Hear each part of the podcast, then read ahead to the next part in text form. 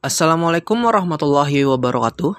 Perkenalkan nama saya Muhammad Rifki Fauzi dari Prodi Ilmu Pemerintahan Angkatan 2018 dengan NIM 18141331008 kelas paralel.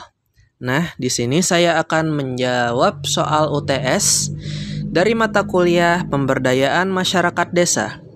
Langsung saja, soal pertama itu adalah Jelaskan menurut pengamatan Anda apa minat dan kebutuhan masyarakat desa di sekitar tempat Anda tinggal. Jawaban saya, saya mengambil desa saya sendiri, yaitu Desa Pakatelu, Kecamatan Kusan Hilir, Kabupaten Tanah Bumbu, Provinsi Kalimantan Selatan. Nah, menurut saya, minat di desa ini adalah bercocok tanam, karena mayoritas masyarakat adalah petani dan juga sebagian besar desa Pakatelu merupakan area persawahan. Dan mungkin kebutuhan di desa Pakatelu ini adalah kurangnya ide dari pemerintah desa mengenai penggunaan sawah di desa ini. Karena menurut saya, selain digunakan sebagai tempat bercocok tanam, sawah juga mampu atau dapat digunakan sebagai tempat ternak ikan.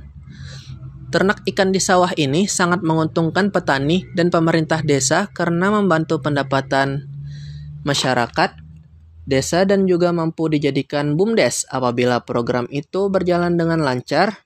Selain itu, petani juga diberikan keuntungan dari kotoran ikan yang berperan sebagai pupuk alami bagi pertumbuhan padi. Nah, soal yang kedua, pada suatu desa terdapat sumber daya alam kelautan yang berpotensi menjadi objek wisata. Namun, masyarakat desa tersebut belum memanfaatkannya untuk aktivitas pariwisata.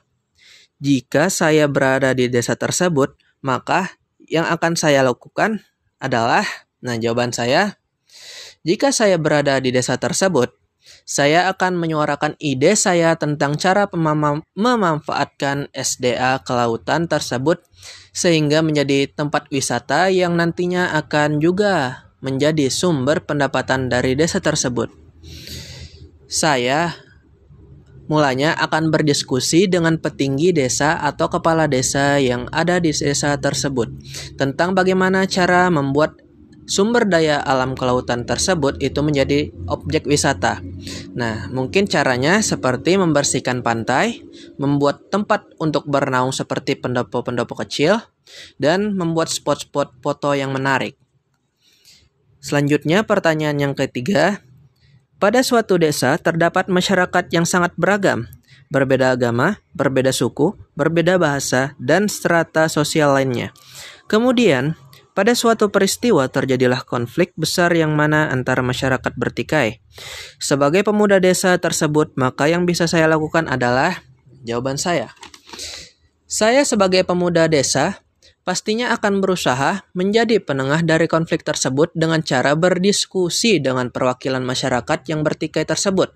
Nah, karena dari berdiskusi dengan perwakilan masyarakat tersebut, maka saya mungkin dapat mencoba memberikan masukan dan saran bagi masyarakat yang sedang mengalami konflik tersebut. Karena saya yakin di setiap konflik itu pasti terdapat cara pemecahan masalahnya dan saya akan berusaha mendapatkan cara itu. Cara yang terakhir, soal yang terakhir, maaf. Jika saya menjadi seorang presiden, maka saya akan membuat program-program desa sebagai berikut. Ehm, buatlah minimal 5 program dan jelaskan secara singkat. Nah, langsung saja. Program yang pertama yang saya akan buat adalah satu, pengurangan penggunaan kantong plastik. Sebenarnya ini umum, karena plastik merupakan salah satu sampah yang waktu penguraiannya sangat lama. Dan pastinya itu akan menumpuk dan menjadi limbah yang mengganggu. Program yang kedua, minimal 3 BUMDes. Nah, jadi desa diwajibkan memiliki minimal 3 BUMDes untuk dijalankan. Program yang ketiga, bantuan bagi yatim, piatu, janda, dan lansia. Di sini, desa mendata warganya siapa saja yang yatim piatu atau yatim piatu, janda, dan lansia untuk diberikan bantuan setiap bulannya. 4. Program yang keempat. pembukaan lahan untuk masyarakat. Nah, di sini tujuannya adalah memberikan masyarakat pekerjaan atau penghasilan lebih dari lahan tersebut yang nantinya akan digarap dan dijadikan kebun.